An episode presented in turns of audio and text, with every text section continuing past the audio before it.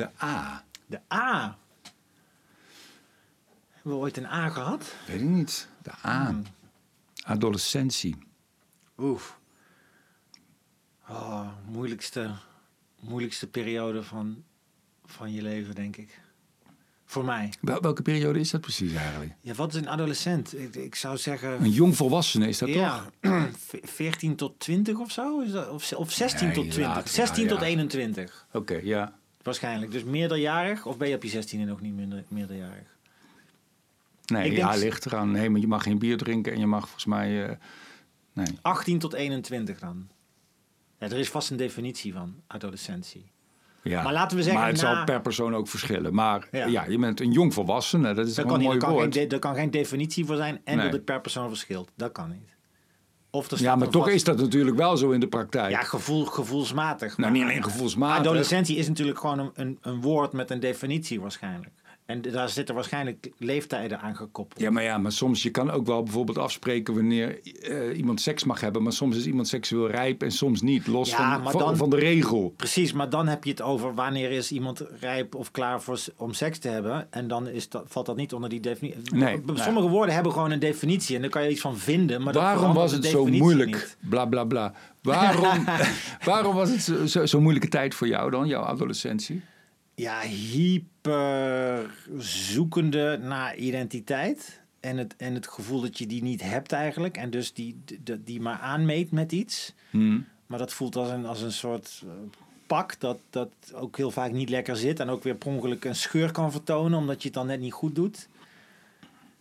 En, en enorm zoekende en angstig. Eh, Eigenlijk alle dingen die ik nu nog steeds heb. Maar dan zijn ze nu... Ja, dat- je, je kent jezelf dan toch iets beter. Maar gewoon ook het niet weten wat je later gaat doen. Waar, waar je talent voor hebt. Ik had ook bijvoorbeeld geen idee dat ik eh, zoiets kon, zou gaan kunnen als schrijven. Hm. Dus je, eh, wat moet je gaan studeren? Wat moet je gaan doen? Wie ga je worden? En, en, en vooral ook dingen als hiërarchie, eh, mannelijkheid, groeps, groepsdynamiek, groepsdruk, Seks. Seks, Ja. seks willen. Nou ja, op die leeftijd heb je dat natuurlijk wel al. Maar dat is het toch eigenlijk. Van wie ben ik of wie wil ik zijn? Wie, wie word ik? Dat is de, de grote vraag dan eh, toch? En dat is heel, op heel labiel terrein. En ja, en heel zelfbewust zonder dat je nog weet hoe dat, hoe dat werkt. En ook ehm, dat Had- je bijvoorbeeld, de- de- ik, ik blijk heel erg prikkelgevoelig. Waardoor ik, waardoor ik weet, ik moet ook op tijd rust nemen of mezelf aan een situatie onttrekken. Maar op die leeftijd weet je dat nog niet. Dus dan ga je ook non-stop, zit je eigenlijk in het rood. Hm. En ga je te ver met die prikkels, waardoor ik dan ook... Ik, werd veel, ik was veel vaker ziek ook in die tijd. En dat had ik als kind al. Als ik als kind naar de, bijvoorbeeld een dag naar de Efteling was geweest... dan was ik daarna vaak ziek. Omdat er gewoon al één dag te veel prikkels was geweest. En wat had je, maar je hebt al een beetje antwoord gegeven ook op die vraag, maar wat, wat, wat had je, wat had je willen weten toen, wat je nu wel weet? Ja, waar je goed bij gedijt. Hm. Ja, omstand, de omstandigheden die Ja. fijn voor jou zijn. Ja. Ja. En dat is dus in jouw geval meer rust. Ja. On- ont, ontprikkelen. En ook eh, lichaamsbeweging, hoe belangrijk dat is. Ja, Ik heb heel lang, zeker in die periode dat ik veel drugs gebruikte en elke dag stoned was, zit je zo in je hoofd alleen maar ook. En dat je vergeet dat je ook nog een lichaam bent. En Ja. daardoor ging ik me ook op een gegeven moment heel zwak voelen en heel slap en een pushover. En dat heb ik echt moeten corrigeren met, met dingen als boksen en, en thai-boksen. overcorrigeren zou ik het wel zelf willen noemen. Ja. Maar je- ik denk jij niet. Ik denk dat jij in je adolescentie al een stuk lekkerder in je vel zat. Ja, dat denk ik, dat denk ik ook. Hoewel ik toen ook wel heftige dingen mee heb gemaakt. Toen werd mijn broertje ziek, hè. Toen was Oh ik ja, hoe zelf, oud was je toen? Toen was ik 18, 17, 18, En 17, hij, was, 18. hij was 16, hè? Toen hij overleed was hij 16. Ik Oké. denk toen hij ziek werd was hij 13 of 14. En toen was jij... Ik was de 3,5 18. 3,5 3,5 jaar jaar oud. Ja. Dus dat was wel aan de hand. Het was een heel... heel Oh man, dat hè, was natuurlijk een doorlopende stress Ja. en, en angst. Dat was een heftige factor. Eh, maar ik was, heel, ik was heel serieus bezig met sport. Dat deed me goed. Maar ik, maar- Handbal, toch? ja, maar met veel oudere mannen. Ik was veruit de Benjamin van dat team. Dus ik was 17 en iedereen was 25 of 30. Dus ik Ah. ging heel veel met volwassen kerels om.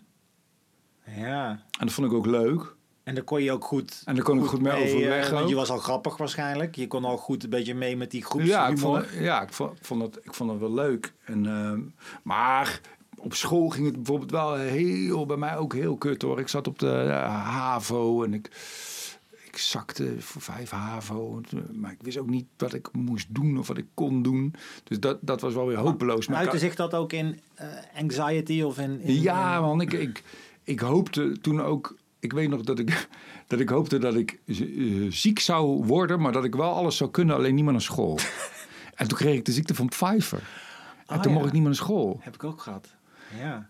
En eh, eh, ja, dat was Maar heel... dat is ook heel vervelend. Dan kan je niet alles. Dan ben je, ik ben, je er niet zo zo moe van geweest. Ik heb toen zelfs stiekem nog een keer een handbaltoernooi gespeeld en zo, terwijl ik de ziekte van Pfeiffer had. Het was meer een soort omicron. eh, ja, variant. Ik had een hele lichte variant. Ehm, en, ik had, en ik had echt wel hele fijne... Ik heb alle hele goede vriendschappen gehad en zo. Dat was Mm. ook...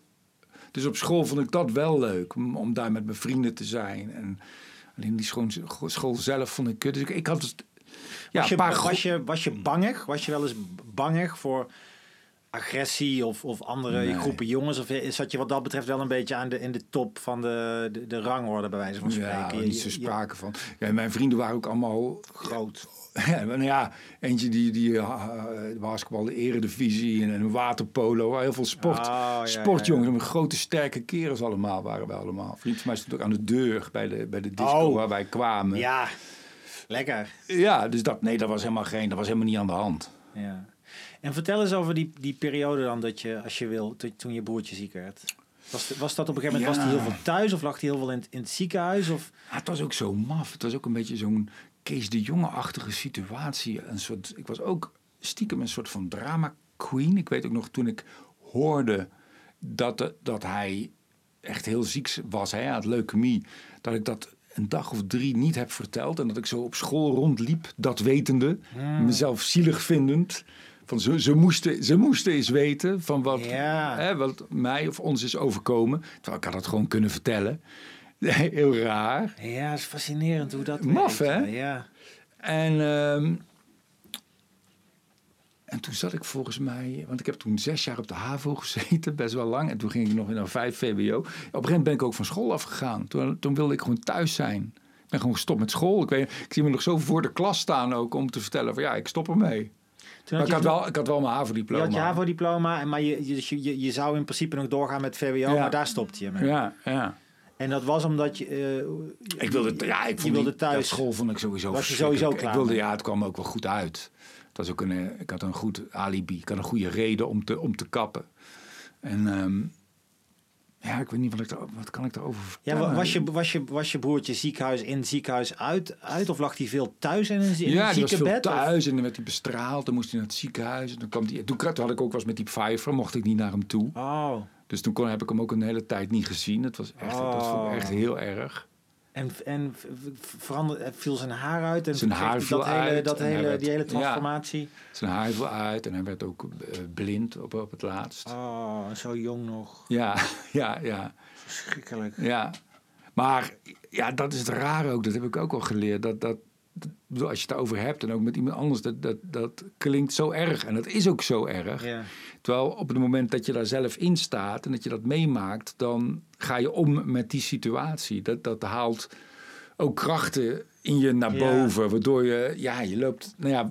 Dus je, je doet ook gewoon wat er moet gebeuren. En je probeert Ja. de situatie voor hem of voor je ouders te optimaliseren of, of, of goed te maken. Dus je hebt, je hebt ook de hele tijd wat te, te doen of zo. ja, het is wel, je, je leeft op het scherpst van de, de, de snede? Ja. Het- het- Nou, twijfel ik eens. Nee, ik heb toen bijvoorbeeld... Toch? Je, je, je leeft echt het, het, het, het Ja, het is heel intens. kan Ja, je niet het is heel leven in- natuurlijk. Intens Ja. en heel intiem. Ik heb toen bijvoorbeeld ook, dat vond ik een heel heftig moment ook, eh, mijn vader een keer zien huilen. Hmm, terwijl hij dat, hij was wel een typische man die dat Ja. normaal niet zo snel Ja, dat, deed. nou ja, ik heb hem echt zien breken, echt zo zeg maar. Dat, die, dat we in een, in, een, in een kamer waren in het ziekenhuis en dat de arts vertelde dat het niet meer goed zou komen. Want het was ook bijna goed of zo. Hij was bijna uitbehandeld. Toen kwam die rare, toen had je Tsjernobyl in 1986. Ik heb ook altijd ergens nog het idee dat het ook nog ergens mee te maken heeft. Dat dat net oh, ja, een dat verkeerd is, duwtje heeft gegeven of zo. Die, dat die gelinkt aan elkaar voor jou. Ja, ja. ja. En dat die man, die arts vertelde dat het niet meer goed kwam. En dat ik, ja, ik heb mijn vader twee keer zien breken in mijn leven. Eén keer toen hij eh, hoorde dat, dat het niet goed kwam met mijn broertje. ja. En toen, ja, dat was verschrikkelijk om te zien. Daar kon hij niet verkroppen. En één keer toen hij, daar was ik ook bij, toen, toen hij hoorde dat hij niet meer beter Ja. werd. En dat was totaal anders. Dat was, dat was, toen schrok hij even. Ik zag echt zo zijn pupillen zo verwijderen verwijderen. En daarna ook een totale acceptatie. Maar toen met mijn broertje, dat vond, ik- vond ik heel heftig. Eh, Om als jongen zo je vader... Ja, dat kapot te zien gaan, Ja, echt. ja. En toen, maar ja, toen had ik ook... Ja, iedereen gaat er ook met zijn, op zijn eigen manier mee om. Ik weet nog dat ik... Dat was ook zo'n raar moment toen mijn broertje overleed. was ook in een tijd dat er allemaal... Was, was in de zomer en er waren allemaal eindexamenfeesten. En ik wilde daar zo graag naartoe. Ik vond het zo... da- daarom vond ik het fijn dat ik gezakt was op de haven. Omdat ik het jaar erop dan weer allemaal examenfeesten Ja. zou hebben. En ik weet nog dat mijn tussen mijn broertje overleed en een paar dagen later was de crematie. Maar daartussenin gaf een vriend van mij een eindexamenfeest. En ik wilde daar, ik wilde daarbij zijn. En, eh, eh, en dat is ook zo raar als iets zo dichtbij is en zo close, dan voel je ook, ja, ik kan het op mijn manier doen. Ik hoef me niet aan te passen aan. Eh, Niet, Ja. niet, niet na te denken van eh, wat andere mensen Is het ervan vinden. op, ja. als ik Ja. meer afstand zou hebben, zou ik me meer gedragen. Zoals je hè, op een begrafenis of een crematie bent van iemand die je niet zo goed kent, dan hou je gewoon koest. en. Precies, dan dit is, dit gedraag is je overduidelijk netjes. jouw, jouw Het is mijn- en ja, mijn broer. En er is niemand die kan zeggen inderdaad, oh... eh, Ja. Dus toen ben ik gewoon naar dat feest gegaan. Heb ik nog met een meisje staan zoenen in Ja, de dat is ook bosjes. interessant hoe dat parallel aan elkaar kan bestaan. Hè? Verdriet, maar ook je, je bent ook nog steeds een jonge jongen. En dan Ja. inderdaad, zo'n feest is gewoon iets waar je per se bij ja, dat is Dat heel dat belangrijk. bestaat daar gewoon ja, naast. ja. En hoe, hoe, hoe was je, ja, dat is een gekke vraag misschien, maar hoe was jouw broertje er zelf onder? Is hij met heel veel angst en, en, en paniek gestorven? Of is, is, is daar een soort liefdevol eh, einde g- geweest? Of was het alleen maar pijn en tot aan het laatste moment? En, en, eh, Nee. Wat ik bedoel? Ja. ja, hij ging daar wel heel... Hij ging er wel heel dapper mee om. Dapperder dan wij, denk ik. We waren ook... Hij was ook heel, heel grappig en ook cynisch ventje. Dan, dan moet je je voorstellen, was hij 15 nog? Want hij werd pas 16 vlak voordat hij stierf. En dan lag hij in bed en had hij zo zijn handjes gevouwen op zijn borst. En dan vroegen we, wat ben je aan het doen? Zei hij, ja, ik ben aan het oefenen op in de kist. zei hij dan. oh, en dan, en dan had hij, had hij, en dan, had je ook, dan krijg je ook zo'n verzorgster thuis... die dan ook hè, de medische dingen komt doen en zo. En hij had op een gegeven moment ook van dat, ja, van dat haar wat je dan hebt... als je je nog niet hebt kou geschoren... en je hebt kanker van dat vlassige, ja, dunne haar... Plukjes. En die vrouw zei, ja, ik ga even je krullen kammen. Terwijl er helemaal geen sprake was van krullen. En dan had hij ook zo flikker op. Want het is een Ja. beetje, weet je, het is... nou, hij, hij kon daar heel stoer en, en, en heel grappig ook mee omgaan. Weet je, had Ja. zijn ka- zijn hoofd kaal geschoren. En dan ging hij als Kojak met carnaval. Weet je, Oh, ja. heel flink, heel, heel dapper. dat, daarin leek jij dus wel op hem wat betreft het inzetten van... humor. Ja, maar ja, ik heb in zo'n heftige situatie zelf nooit gezeten. Nee, weet maar ik bedoel wel... nee. ben. Ja, ik denk, ik denk het wel. Ja. Op momenten in ieder geval. Ik denk dat je niet anders Maar ja. Maar heb je hem zien breken ook?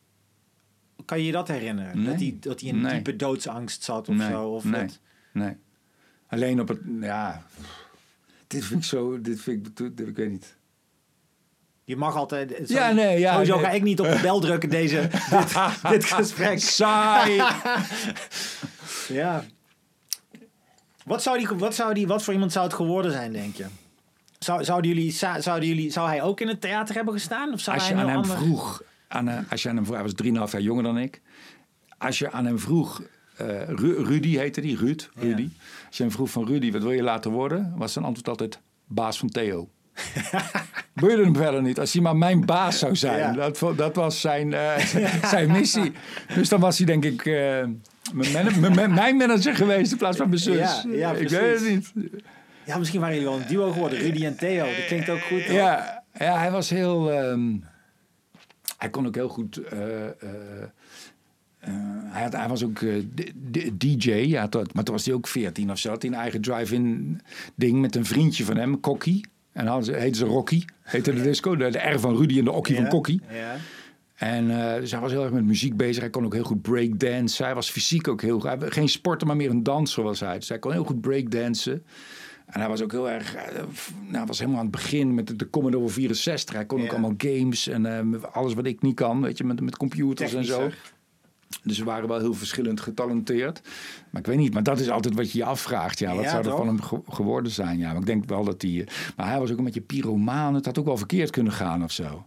Hij had, ehm, wat ze vroeger noemden ze dat minimal brain damage. Ja. Hij had verkeerd bloed bij zijn geboorte. Dus het was ook wel een beetje... Het was een heel pittig kereltje. Oh, er zat iets. Maar nu, nu zou dat, denk ik, ADHD, zou, ze, Ja, zou, ja, zou je dat noemen. Maar ja, Ja, misschien was hij al pyrotechnicus geworden. Heel, Ja, heel ja, creatief. ja. Dat voortaan jouw shows zouden openen met, met vuurshows. en zo. Ja, en met verbrande assistentes Ja. die zwart geblakerd opkwamen. Ja, Hoe kwamen we ook maar dat, maar ja, dat vind ik altijd, dat vind ik zo. uh, nou ja, we hadden het over adolescentie. Oh ja, dat dus hij is gestorven toen hij 16 was. En dat heb ik altijd ook als. Dat klinkt dan ook zo banaal, maar toch als tragisch gevonden. eh, of heb ik dat, dat hij nooit. Ja, dat hij wel verliefd is geweest en wel eh, over meisjes heeft gefantaseerd. En ik denk ook gemasturbeerd en zo. Maar dat hij nooit echt Nee. de liefde heeft bedreven met een meisje of met een vrouw. Dat, dat had ik hem wel eh, eh, gegund nog, uiteraard. Ja, dat vind ik altijd raar. Vind ik altijd een raar idee. Ja. En, en net 16 is ook Ja, het is fucking een, hel, man. Mijn oudste zoon is, is bijna 15. ja, Dat is, dat is bijna die leeftijd. Dan zou die nu, dan zou. Dat is krankzinnig. Ja. Maar ook, ook, dan begrijp je ook zo goed dat je vader op die manier brak. Dat tuurlijk. Is, is ook weer zo'n cliché, maar. Ja, het is niet te dat je, verteren. dat je, nee, dat je, je denkt, daar kom je nooit overheen of zo. Dat is, dan is niet, daar is niet mee te leven. En dan is een ander cliché weer overal is mee te leven, et cetera. Maar, Ik kwam een jaar later kwam ik op de theateropleiding in Eindhoven en ik was een beetje bij de hand. Ik was een beetje een bij de hand ventje natuurlijk. Met een, met, de, met een nou, grote mond, maar wel altijd mijn- mijn woordje paraat en zo. je, ja, En toen zei ook een docent, die zei toen tegen mij, eh bloedserieus, omdat ik niet zo kwetsbaar was. Die zei, jij zou een keer iets ergs mee moeten maken. Terwijl ik een jaar daarvoor mijn broertje had verloren. Daar moet je misschien ook bij op. Ik heb hem nooit kwalijk genomen, wie wist die man veel. ja. Maar ehm, Maar ook, ook wel weer dus eh, vet dat jij had al iets ergs meegemaakt en dit was nog degene die jij was. Wat natuurlijk ook eh, iets zegt over de potentie die, die je had of zo. Dat, eh, ja, ik weet niet of dat er iets mee te maken heeft, maar... Nou ja. Nou ja, dat het zo de aard is van het beestje ja. bij jou, dat zelfs in het geval van een drama, dat dat niet daardoor wordt ondergesneeuwd of een groot trauma. Omdat Nee. dat gewoon in alle facetten is wie, wie jij bent. Nee, ik heb niet het idee dat... Het, ik heb wel het idee dat, dat, dat hoe tragisch ook... dat ik er eh, toch ook wel iets van geleerd heb. En dat ik er... eh, hoe erg ook toch wel... Ja... eh, een beetje...